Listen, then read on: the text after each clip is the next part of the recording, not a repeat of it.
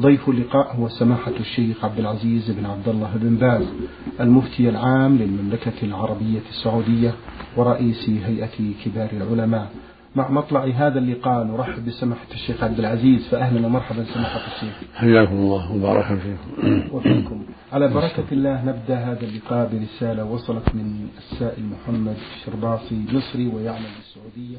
يقول في هذا السؤال هل تجوز التواشيح قبل أذان الفجر؟ مثل قول يا مليح الوجه يا كريم الأخلاق يا سيدي يا رسول الله. وجهوا هذا السؤال سماحة الشيخ.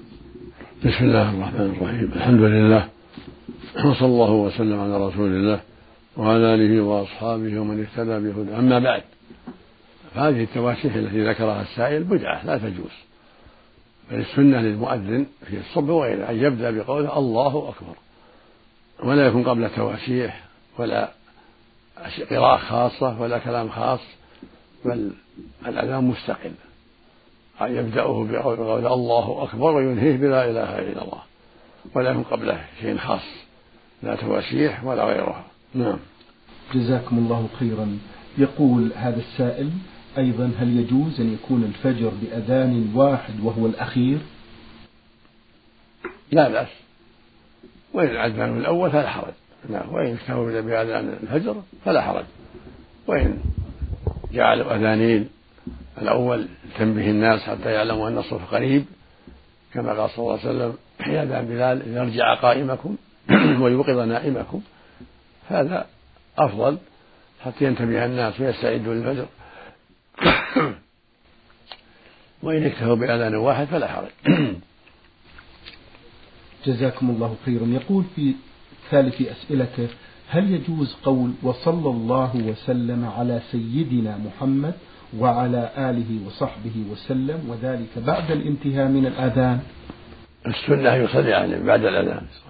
اللهم صل على سيدنا واللهم صل على محمد أو على نبينا محمد وعلى آله وصحبه. وإن أتى بالصلاة المشروعة كاملة. اللهم صل على محمد وعلى آل محمد كما صليت على إبراهيم وعلى آل إبراهيم إنك حميد مجيد. اللهم بارك على محمد وعلى آل محمد كما باركت على إبراهيم وعلى آل إبراهيم إنك حميد مجيد. هذا أكمل. ثم يقول اللهم رب هذه الدعوة التامة والصلاة القائمة. آت محمدا أو آت نبينا محمدا الوسيلة والفضيلة. وابعثه مقاما محمودا الذي وعدته إنك لا تخلف الميعاد. هذا رواه البخاري في الصحيح دون قوله إنك لا تخلف الميعاد. لكن هذه الزيادة زادها البيهقي بإسناد صحيح. وإن قال على سيدنا فلا حرج. النبي كره لما خطب به أنت سيدنا. والآن لا يخاطب بهذا. قد توفي عليه الصلاة والسلام. فالآن قال إذا قال على سيدنا محمد أو سيدنا محمد لا حرج في ذلك هو سيد ولد آدم. يقول صلى الله عليه وسلم أنا سيد ولد آدم يوم القيامة ولا فخر. اللهم صل عليه. وهو خير البرية عليه الصلاة والسلام. نعم. جزاكم الله خيرا سماحة الشيخ.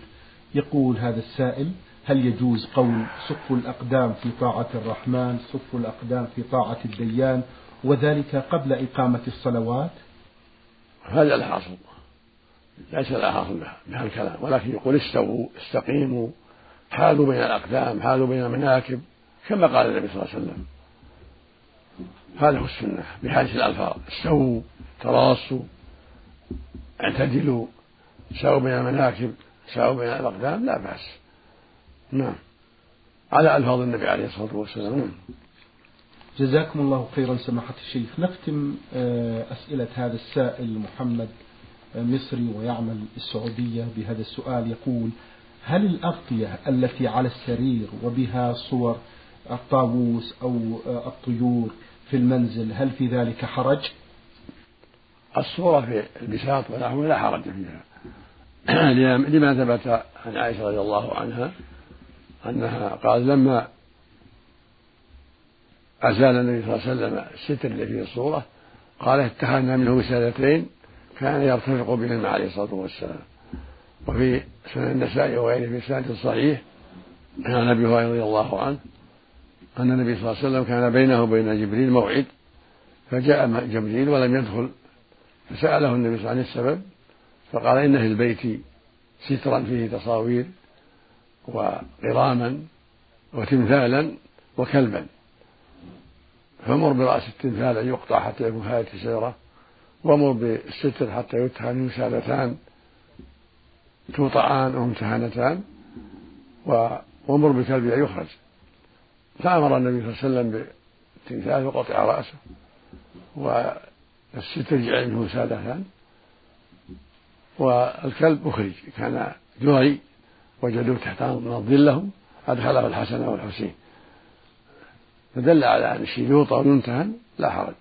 لكن لا يجوز التصوير لا في ما يوطى ولا غيره. التصوير لا يجوز.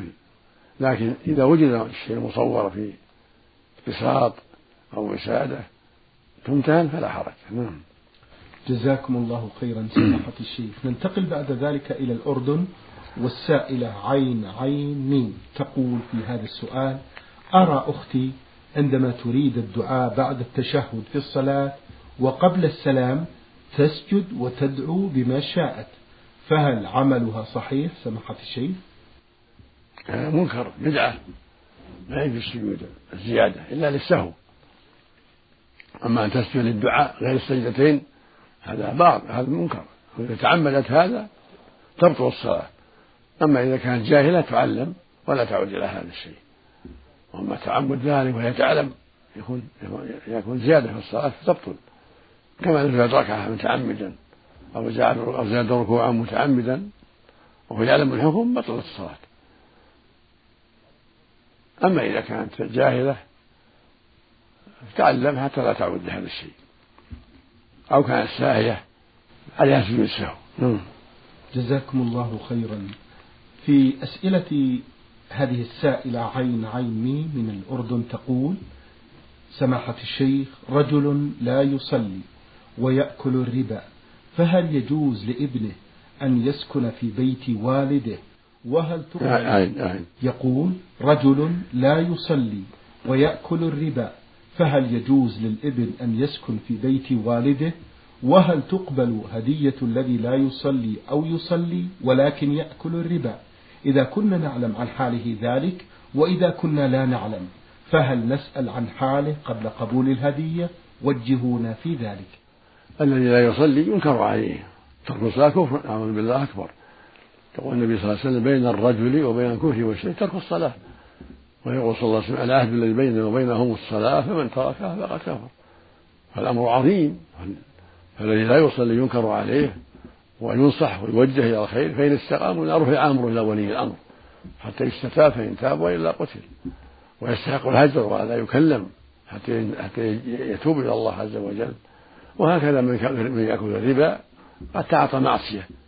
يستحق أن يهجر عليها. لكن ينصح يوجه إلى الخير لعله يدع الربا. هذا هو الواجب على إخواننا المسلمين من أقاربه وغيرهم أن ينصحوه ويوجهوه لأن أكل الربا من المحرمات. الرسول صلى الله عليه وسلم آكل الربا وموكله. والله يقول جل وعلا وأحل الله البيع وحرم الربا.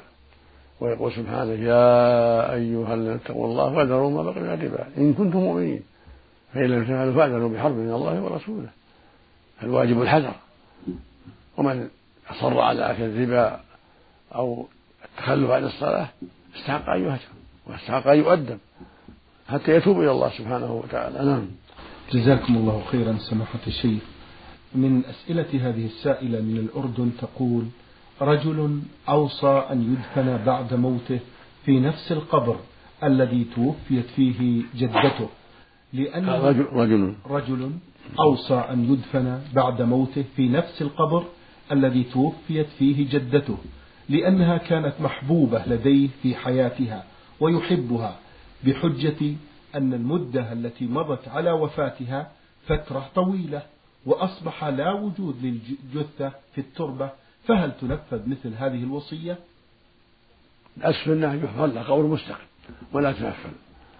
يبقى القبر لصاحبه إلا عند الضرورة. لو كان هناك ضرورة ضيق في الأرض والبلد ضيقة ما عندهم مكان إذا بلي يدفن معه واحد. لكن ما دام ما هناك ضيق فالسنة تبقى القبور على حالها ويدفن في قبر مستقل ولو كان يحبها كثيرا. نعم.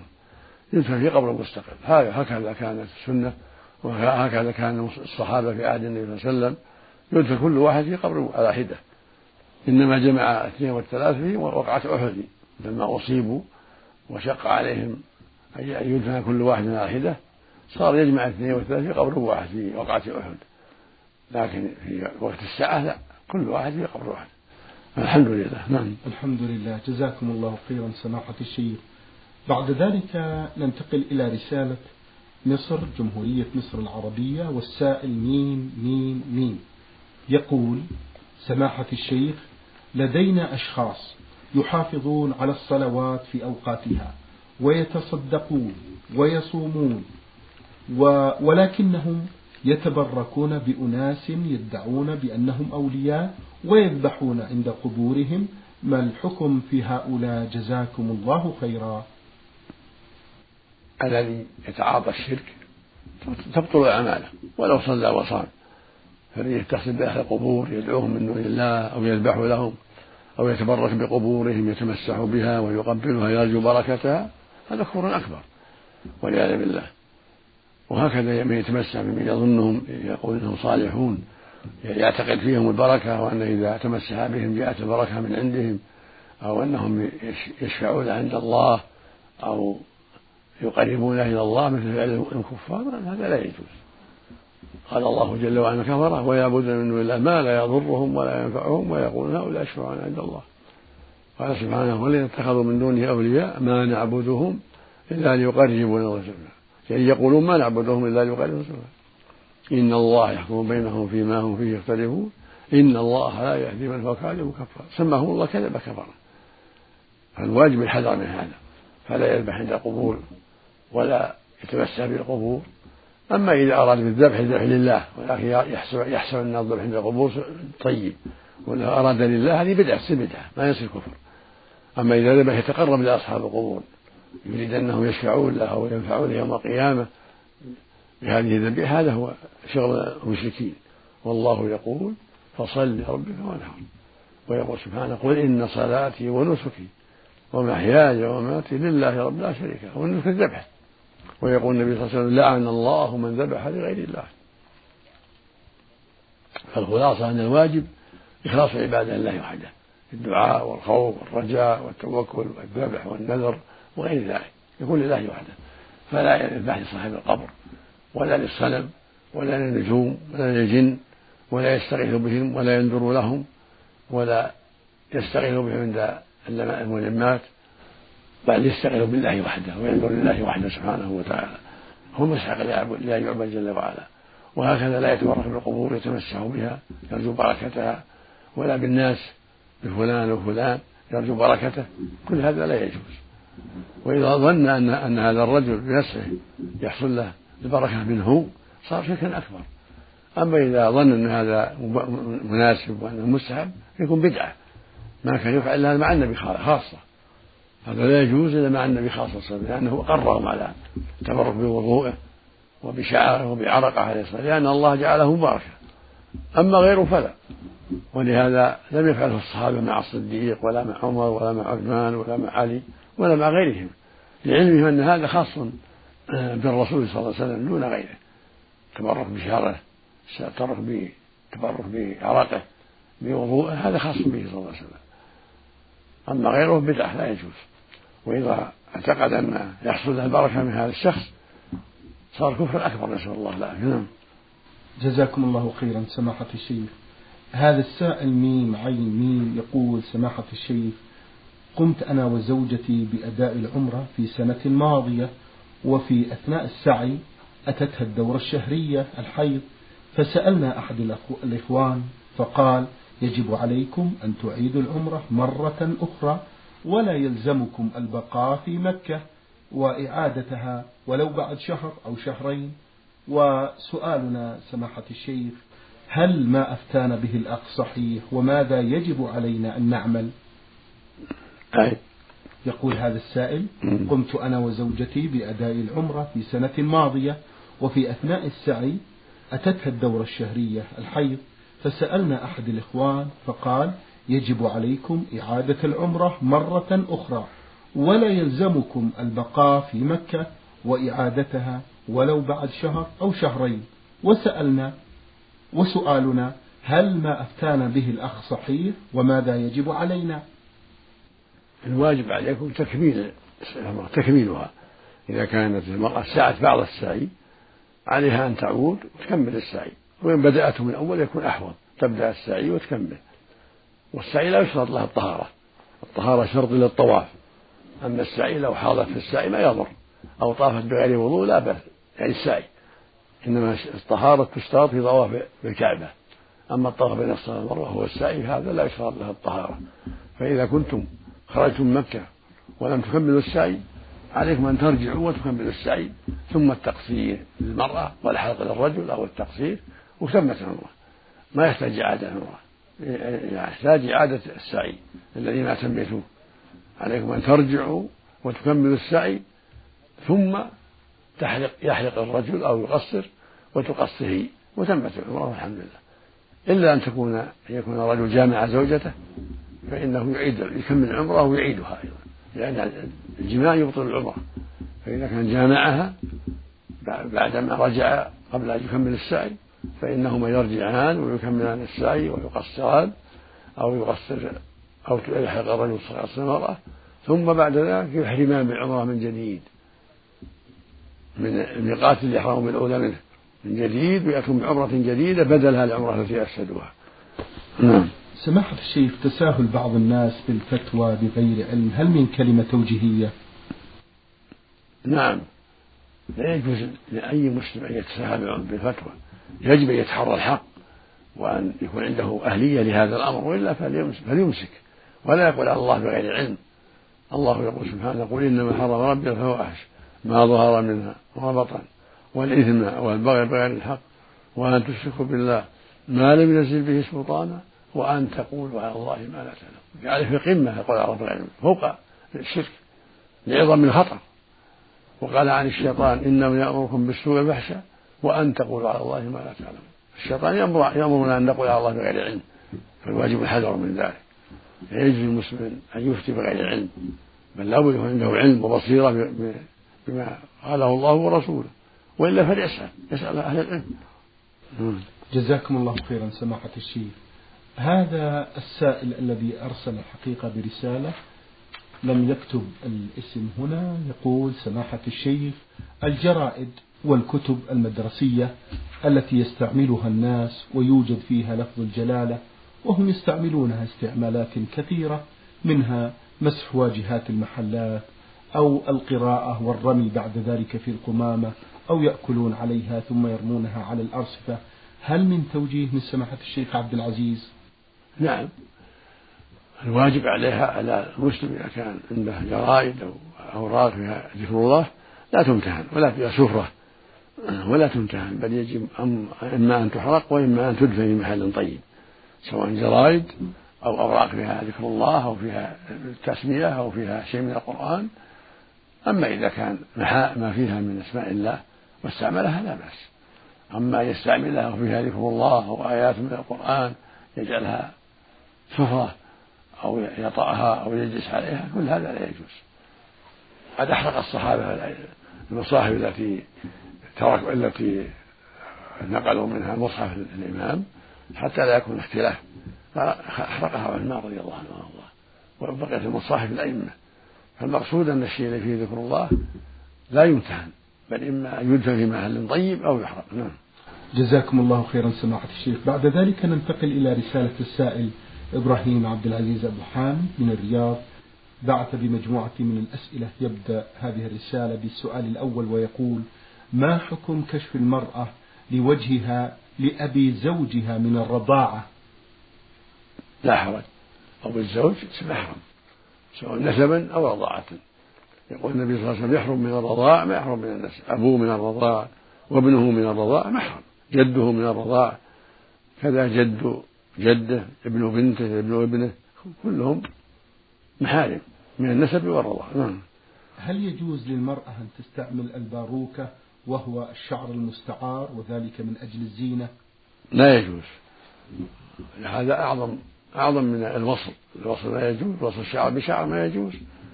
فالباروكة أشد وأخطر.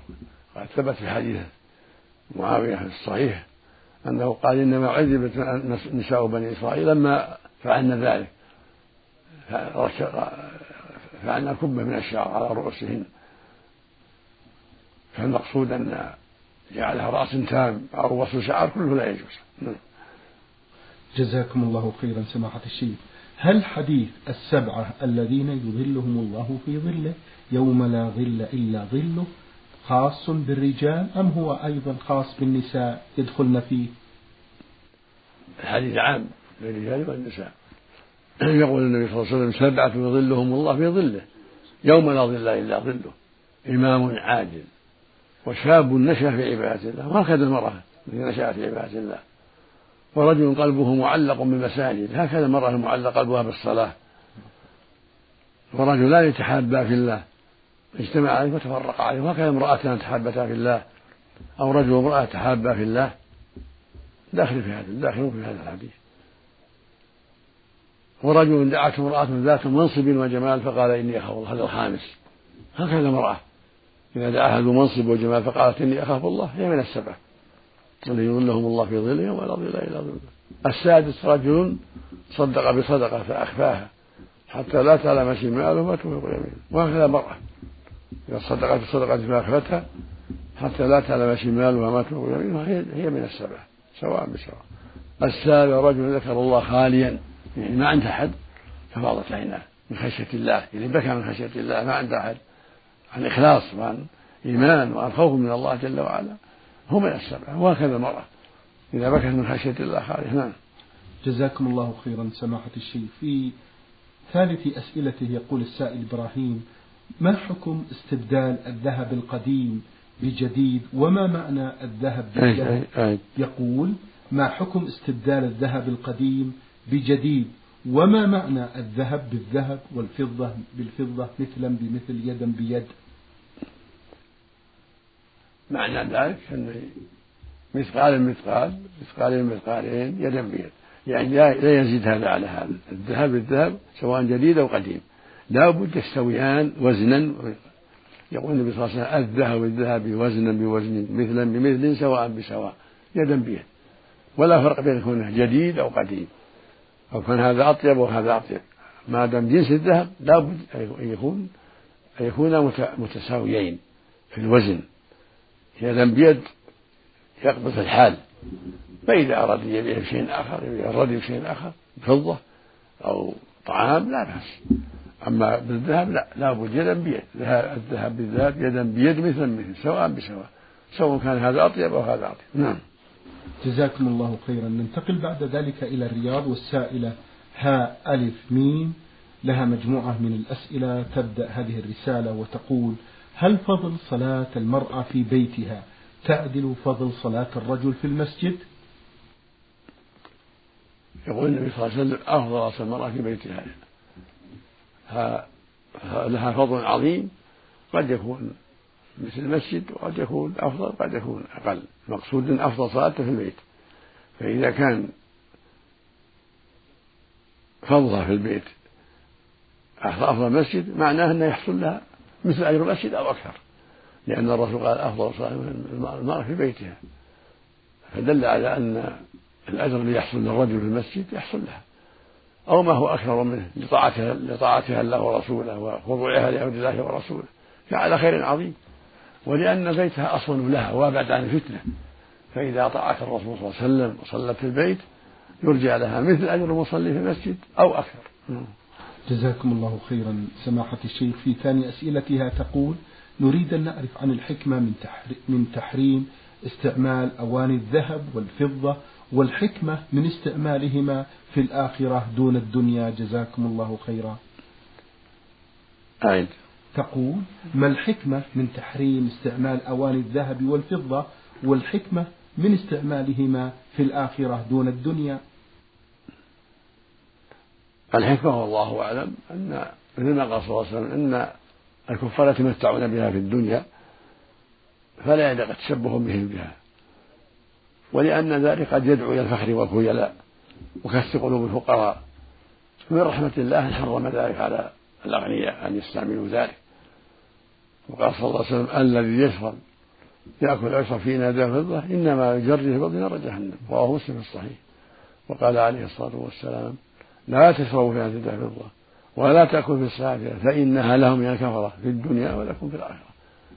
فالحكمة في ذلك أن أنه تشبه بأعداء الله الكفار وأن في هذا كسرا لقلوب الفقراء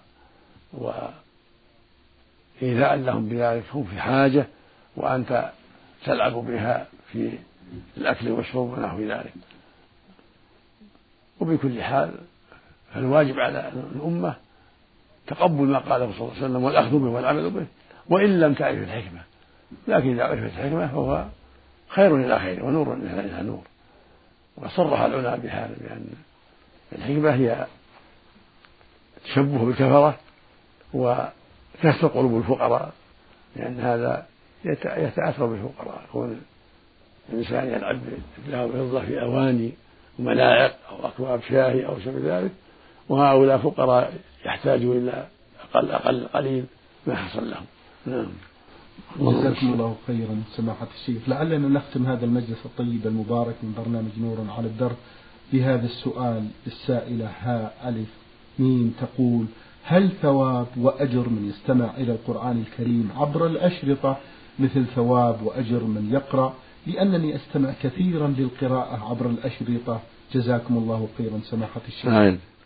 تقول السائلة هل ثواب وأجر من يستمع إلى القرآن الكريم عبر الأشرطة مثل ثواب وأجر من يقرأ؟ لأنني أستمع للقرآن عبر الأشرطة. هل ينقص أجري في ذلك؟ نرجو لك الأجر في ذلك. وأن مثل القارئ لأن المستمع كالقارئ كالذي يستمع شريك للقارئ. فإذا استمع بنية صالحة وإخلاص يريد الفائدة فنرجو له مثل أجر القارئ. فهما في الأجر سواء القارئ والمستمع. فنوصي جميع إخواننا في الله من الرجال والنساء بالعناية في سماع القرآن والتدبر والتعقل فالذي يقرأ يقرأ ويتدبر والذي لا يقرأ يستمع من الأشرطة من نوع الدرب. هذا خير عظيم من إذاعة القرآن يستمع الفوائد. ونرجو له في ذلك الخير العظيم. فالمستمع الراغب فيما عند الله المخلص لله شريك القارئ. له أجر عظيم. يكون له مثل مثل أجر القارئ أو أعظم. إذا كان له الإخلاص وعن صدق وعن رغبة فيما عند الله سبحانه وتعالى. نعم. شكر الله لكم سماحة الشيخ. وبارك الله فيكم. وفي علمكم ونفع بكم المسلمين. أيها الإخوة الأحباب أيها الإخوة المستمعون الكرام أجاب عن أسئلتكم سماحة الشيخ عبد العزيز بن عبد الله بن باز المفتي العام للمملكة العربية السعودية ورئيس هيئة كبار العلماء. شكر الله لسماحته على ما بين لنا في هذا اللقاء الطيب المبارك. شكرا لكم أنتم. وفي الختام تقبلوا تحيات الزملاء معي في الإذاعة الخارجية.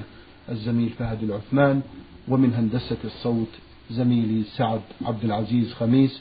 والسلام عليكم ورحمة الله وبركاته.